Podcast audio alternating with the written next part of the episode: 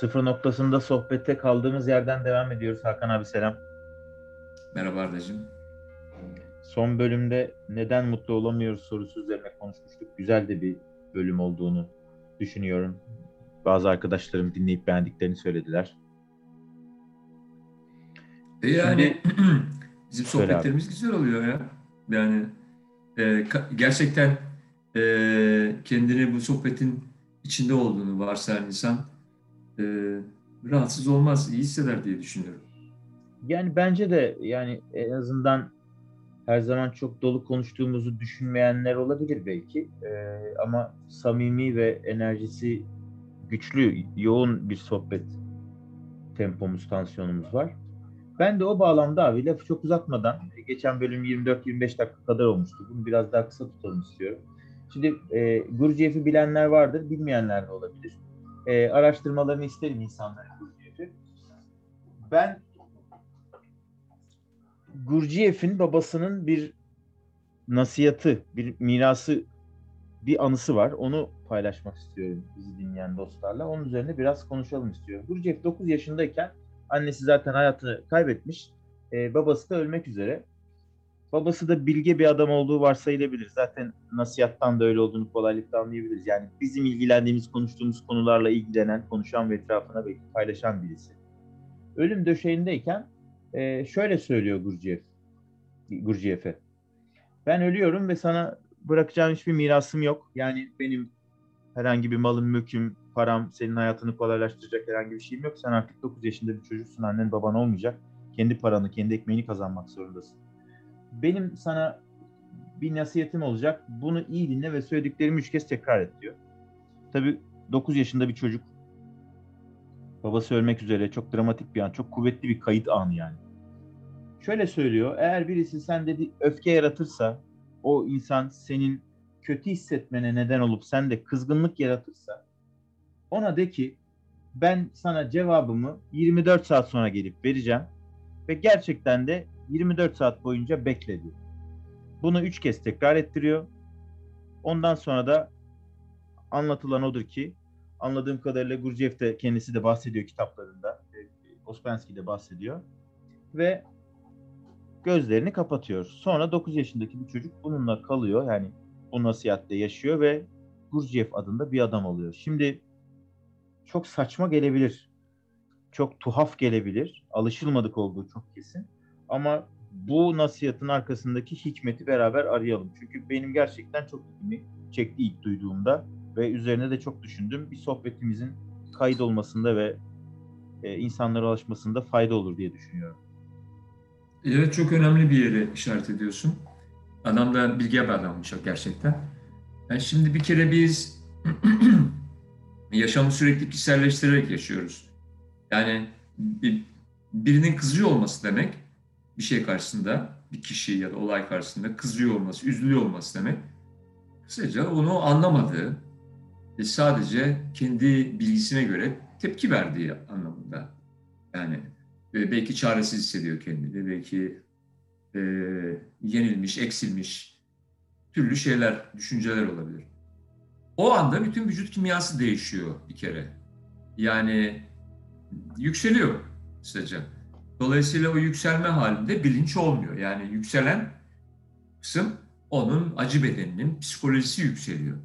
Dolayısıyla buradan bir konsensus, buradan bir anlaşma, bir barış, bir huzur çıkmaz. Çıksa çıksa çatışma çıkar. Ee, her iki taraf için zarar ve üzüntü çıkar. Bunu deneyimlemiş zaten babası, biliyor bunu. Oğluna da bunu söylediği zaman yaşam kalitesini artıracağını umuyor. Çünkü bundan muaf bir insan, bu türlü bir sürüklenmeye girmeyen bir insan, beden kontrolünü yitirip saçmalamayan bir insan e, çok açık ki daha sağduyulu, daha zekice, daha çözüm odaklı, e, çözüme yönelik bir e, davranışta bulunur. Onun için kendisine zaman tanımasını söylüyor. Hem kendisine hem o kişiye de. Belki o kişi de ertesi günü yaptığının yanlış olduğunu anlayıp özür dileyebilir. Ya da kendini yanlış ifade ettiğini söyleyebilir. Ya da Gurcev söz konusu durumda ertesi güne daha farklı bakabilir e, enerjiler değişmiştir. daha anlayışlı değil. Hatta kendiyle ilgili bile şeyler bulabilir. Oraya daha sonra geliriz. Ben bu anlamda çok teknik bir şey olduğunu, hakikaten bir babanın oğluna, bir annenin oğluna öğretmesi gereken bir şey olduğunu düşünüyorum. Çok basit bir şey bu değil mi? Hı hı. Yani diyor sen diyor duygusallaşmış olabilirsin. Bir zaman tanı kendine. Ondan sonra tekrar bak. Ben bunu anlıyorum yani. Yani bu lafın arkasında aslında çok kuvvetli bir öğreti var. Ee, çok basit gibi görünmekle beraber bize basit ve hatta belki anlaşılmaz, tuhaf gelmesinin sebebi duymaya çok alışkın olmadığımız bir şey. Yani bize söylenen şey sürekli bir önceki bölümde, ondan önceki bölümlerde de zaman zaman konuştuk. Yani biz hep meseleleri kendi varlığımızın önemi ve bu öneme, bu varlığa yapılan saldırılar ya da müdahaleler, karşı çıkışlar üzerinden okuyoruz. Bize uyum gösteren yani bizim kabul ettiğimiz bir takım davranışlar içinde olan insanları sevdiğimizi söyleyip hayatımıza alıyoruz. Çok güzel kompartımanlaştırıyoruz. Ta ki onlar hoşumuza gitmeyen şeyler yapana kadar ki o zaman da diyoruz ki sen çok değiştin. Halbuki değişen, dönüşen bir şey yok belki. Benden başka değişen, dönüşen bir şey yok. Dolayısıyla böyle birisi bizi kızdırdığında bizim ilk davranışımız genellikle haklılık prensibiyle hareket etmek. Yani ben bir takım şeyleri biliyorum ve inanıyorum. Burada biz sağlıklı bir sohbet sürdürüyoruz seninle, bir diyalog sürdürüyoruz. Birdenbire sen bir şey söylüyorsun. Ben kızıyorum. Kızıyorsam çok haklıyımdır. Çünkü o şey senin söylememen gereken bir şey. Bize öğretilen şey bu. Modern eğitim dediğimiz, güncel eğitim dediğimiz dünyanın pek çok yerinde şu anda dönen dolap bu aslına bakarsan. Şimdi babası senin söylediğin gibi bunları yaşamış. Belki bu yüzden kavga etmiş, bıçaklanmış, ne bileyim ben yani bir takım fiziksel zararlar da uğramış. Dolayısıyla e, kızgınlığın kontrol kaybettirici bir şey olduğunu, öfkenin gerçek bir şey olmadığını aslına bakarsa ve çoğu zaman e, zihinsel bir şey olduğunu, dolayısıyla zihne bakmak gerektiğini söyleyen bir noktadan hareket ediyor. Senin söylediğin şey çok doğru. Kızgınlık çoğu zaman bedende yani bedende gerçekleşmiyor belki ama bedende hissediyoruz. Yani birine kızdığımızda suratımız kızarıyor, kulağımızdan ateşler çıkıyor, karnımız ağrıyor, geriliyoruz, kasılıyoruz. Ama zihinsel bir hareketle başlıyor. Yani benim öncelikle bir sebepten ötürü, haklı bir gerekçeyle sana kızgın olduğumu kendime söylemem, buna inanmam ve hemen bunun üzerine hareket etmem lazım. Şimdi bak ben söylerken bile sürdü 10 saniye ama saniyenin onda biri kadar çabuklukta hemen yani hemen gözümüz önüne gelebilir. Yumruk indirmeler, bağırıp çağırmalar. Çok kıymetli bir öğüt gerçekten. Ben duyduğumda, bunu ilk okuduğumda e, biraz afalladım gerçekten. Yani şeyi görüyorum, pratik olarak şeyi görüyorum abi. Hani 24 saat sonra bir kızgınlığın kalmayacağını varsayıyorum. Teorik olarak. E, ama içimden bir ses de şunu söylüyor. Ama kızgınım. Yani niye bekliyorum ki? Zihnim öğrendiği kalıpta davranmaya devam etmek istiyor. Açıkçası biraz daha e, onu mikroskop altına alırsak ben biraz farklı şeyler görüyorum. Yani şöyle bir ölçüm yapmış insanlar. O deneyi kim ne yapmış bilmiyorum ama çok sık okudum. E, ve insanların ağzından dinledim. Bilinçaltı 6 ile 8 saniye öncesinden tepki veriyor. Yani o tepkiye göre hareket ediyorsun veya konuşuyorsun. Ee, bunun içinde tabii ki insan varlığının e, o görünmeyen bedenleri var. Duygu bedeni, zihin bedeni gibi e, kokular var, enerjiler var. Çok yakındaki bir kişiyle daha çabuk yani yüz yüze yakın olan biriyle daha çabuk kızabiliyor insan. Şimdi bu çok tuhaf gelecek ama kızgınlıktan bahsediyoruz da kızgınlık diye bir şey yok esasında. Hı hı. Üzüntü diye bir şey de yok. Bunun bunun görebileceğimiz bir yerde bir tutabileceğimiz, görebileceği, algılayacağımız bir şey yok. Bir kızgınlık gelmiyor yani. Bir üzüntü gelmiyor. Biz o hallere giriyoruz. O hallere girdikten sonra o halin kendisi artık devam ettiriyor kendini. Şimdi gerçek bu. Yani sen e, yani biz kendi bildiğimiz şekilde konuşalım. E, bir, bir insan ben ben benim, ben beden zihnim dediğinde bu şu demek. Ben ben olduğuna inanan bir düşünceyim.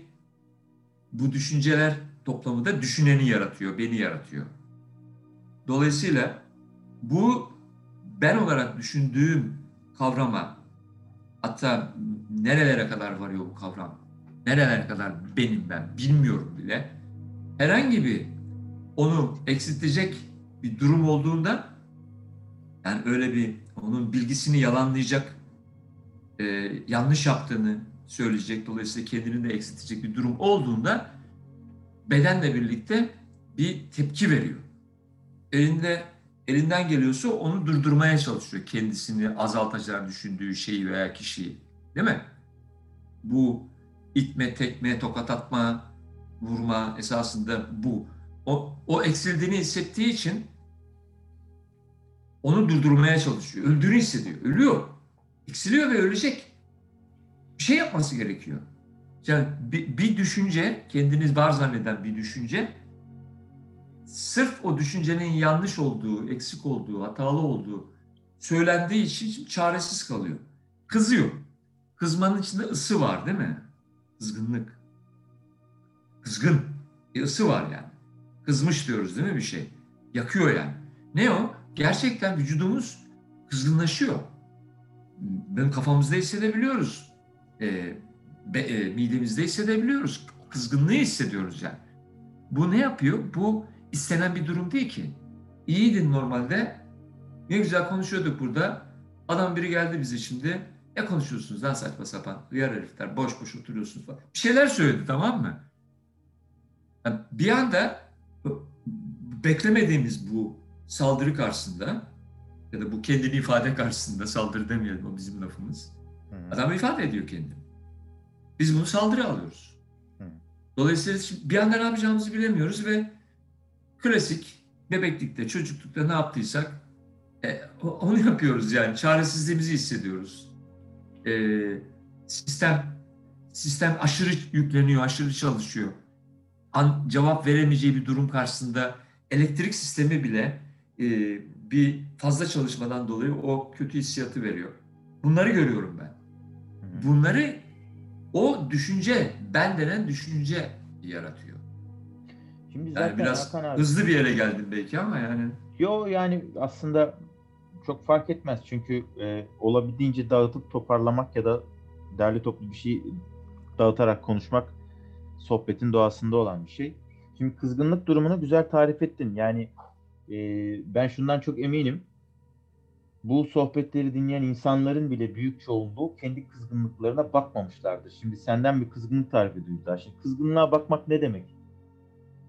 Ben biz, biz bir cevap vermeden evvel yani biz, biz bir cevap vermeyelim. İnsanlar kendi kızgınlıkları mesela öfkelendiklerinde bir şeye çok kızdıklarında o mekanizmanın nasıl çalıştığını, kendilerini niye kızgın dediklerini yani kendi kızgınlıklarına bakarak bir anlamaya çalışır, çalışırlarsa zaten aslında e, Gurdjieff'in babasının nasihatinde sakladığı yerlerden birine doğru bir yolculuk başlıyor. Fakat Kesinlikle yine na- nasihate dönersek e, zaten o da biraz onu söylüyor. Şimdi e, söylemiştik ya biz bize söylenen şey sürekli olgulardan kaçmak. Yani aslında söylenen değil belki ama telkin edilen şey, e, bilinçaltı olarak aktarılan şey. Yani çok darlandığında ne oluyor mesela? Bir arkadaşın geliyor ya da karın, baban, annen her neyse. Ya sen çok yıprandın, çok sıkıldın bu aralar. Sen iki gün kafa dinle diyorlar. İşte uzaklaş diyorlar, tatile git diyorlar. Arabayı al, git yazlıkta kal diyorlar. Kimse durumuna bakmayı tavsiye etmiyor birbirine. Yani niçin böyle olduğunu... Bilmiyorlardı değil mi? E, bilmiyorlar. Zaten meselemiz o. Yani onlara da öğretmediği için bu aktarılan bir bilgi değil. Aslında bu kadim bir bilgi. Yani binlerce yıldır var ama giderek kaybolmakta. Çünkü yine bir önceki bölümde de söyledik. iletişim araçları, e, kanallar değişiyor, araçlar değişiyor.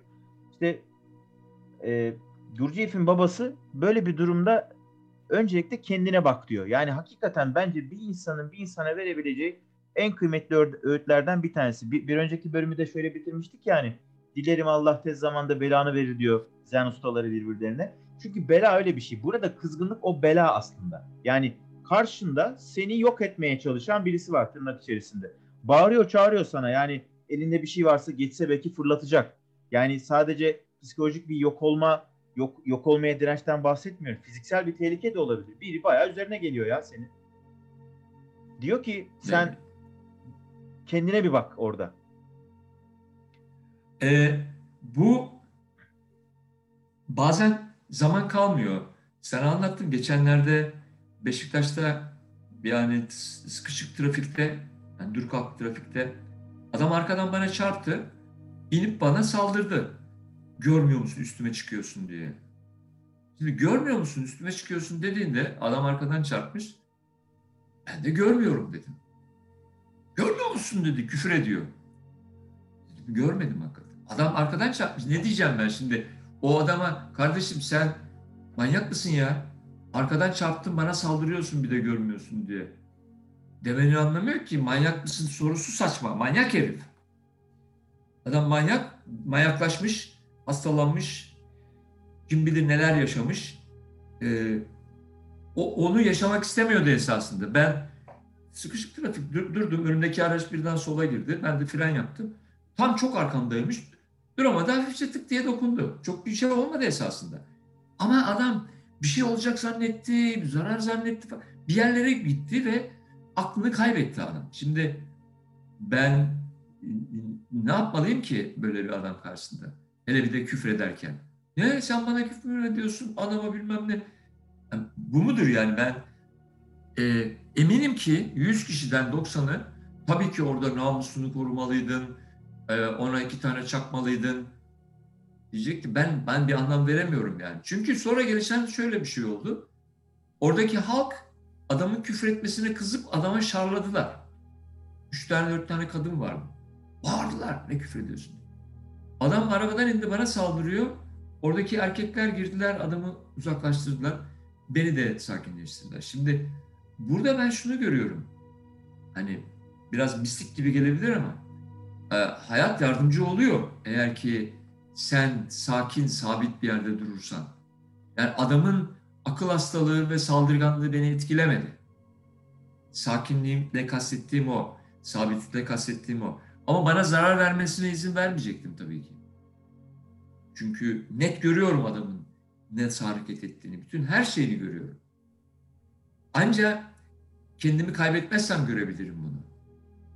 Ve o görme esnasında başka bir şey oldu. Benim yerime orada kadınlar adama müdahale etti, adamlar adama müdahale etti. Hep böyle mi olur? Ben bunun garantisini veremem. Ama her sabit olursan yani objektif farkındalık dediğimiz, tanık bilinci dediğimiz, olayların e, işleyişi karşısında dağılmayan, dikkati dağılmayan bir halde olduğunda yaşam sana yardımcı oluyor. Bundan eminim yani. Defalarca böyle oldu. Bu sabit kalma şeyini biraz daha eşeleyelim. Yani her bölümde mutlaka konuşuyoruz. Her sohbetin bir noktasına geliyor. Yani aslında kendi içinde, kendi merkezinde kalmak. Yani e, içten dışa doğru bir hareketten ziyade bir şeyler senin etrafında olmakta. Evet senin başına geliyorlar ama özellikle sana kasıtlı biçimde olmuyor bu olaylar. Ee, senin sana saldıran birisi varsa tabii beden çok zeki bir organizma.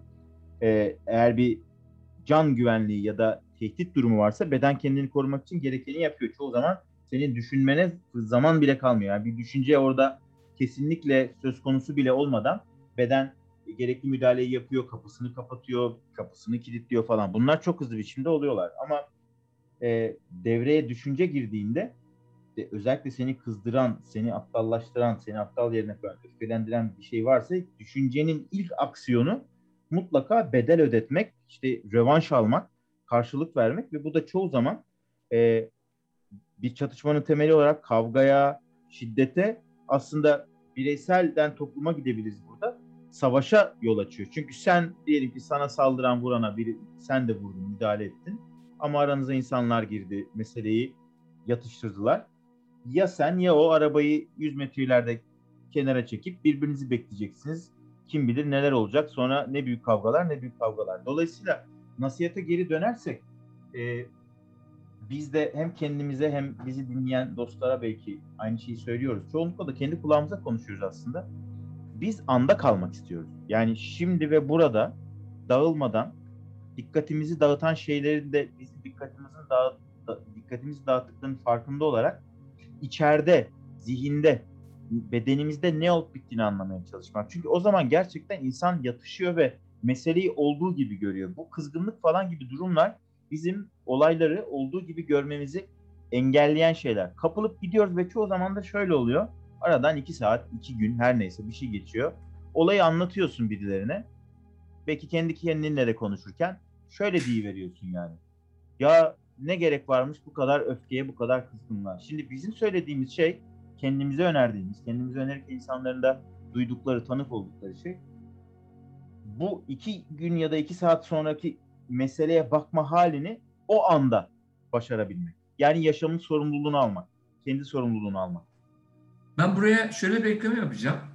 Anlamanın tek yolu anda kalmak ama bizde bellek iyi çalışıyor esasında. Dolayısıyla bu duygusal durumların biraz geçmesine izin verdikten sonra yani hormonal yükselme, elektriksel, kimyasal değişim bunun çünkü bu devam etmiyor ilelebet. Bu anlık e, kendini gerçekten fiziksel korumak için olan hormonların durumu. Bu, bunu e, iyi kötü yaşayıp bittiği zaman sen olayı anlamadığını yani kızmışın, üzülmüşün her neyse bu anlamadığını gösterir. Bunu biliyor musun bir kere? Senin her türlü olumsuz duygu dediğimiz şeyleri yaşıyor olman onları olayı anlamadığını gösteriyor. Bunu bir kere anladığında bunun böyle olduğunu o zaman sen duyguların yatıştığında o gün veya ertesi gün o ana tekrar gidiyorsun belleğe. Ne olmuştu diye soruyorsun. Çünkü anlamadığını biliyorsun. Biliyorsun ki anlamadığın şeyleri taşırsın ömür boyu. Çarpık çırpık bir şekilde taşırsın hem de. Ve bu senin daha sonraki anlamalarını da engeller. Algını bozar. Sen bunu anlamışsan böyle bir şey olduğunu o zaman artık olumsuz duygular karşısında e, tutumun farklı olur. Sen bunları bir hazine gibi kendini yani sadece olayı anlamakla kalmazsın artık kendini gözlemlemeyi de bu vasıtada bilirsin. Çünkü çok net. Kızgındın ya. Ki hala devam ediyor mesela tamam mı? Üzgünsün. Net elle tutulur bir şekilde. Mutsuzsun. Tamam mı? Bunlar elle tutuluyor yani. Suratından belli oluyor yüzünden, bedeninden. Şimdi bunların kendine has duygu durumu bittiğinde bedende eğer sen e, buradaki anlamamanın ne kadar önemli olduğunu farkındaysan mutlaka o ana geri dönmek ve o ana geri döndüğünde anlıyorsun bu sefer. Çünkü anlamak istiyorsun bak buradaki e, ipucu kelimesi anlamak istemek. Anlamazsan ömür boyu taşı, hamallığını yapıyorsun. Dolayısıyla o anlama isteğiyle ana baktığında az çok objektif bir farkındalıkla, bir tanık bilinciyle kendini pek içine katmadan olmuş bitmiş çünkü iş tamam mı? Hı. Ve bundan sonraki süreci senin anlaman belirleyeceği için ciddiyetle, dikkatle bakıyorsun. Zaten bu belasını verir demiştin ya yani bu bu şekilde o belalar bu şekilde anlaşılırsa gelişiyor insan. Hı hı. O adam onun yok olması için söylemiyorlar ki birbirlerine. Hı hı. Yani bu daha da neden bu özgürleştiren bir şey. İnsanı kendinden özgürleştiriyor kendini keşfi. Dolayısıyla olumsuz duyguları herkes kötülüyor ama bence olumsuz duygular bulunmaz nimet. Tabii tabii. Ee, o nasihat da bence o yüzden kıymetli. Ee, yani başımıza gelen tırnak içinde kullanıyorum ifade yine kötü şeyler. Halbuki iyi kötü diye bir şey yok. Sadece olaylar olmakta. O yorumları biz yapıyoruz ama başımıza gelmesini istemediğimiz şeyler değil kızgınlık gibi, öfke gibi, ayrılık gibi, kavga gibi, tartışma gibi şeyler aslında kendimizi anlamak için müthiş fırsatlar sunuyorlar.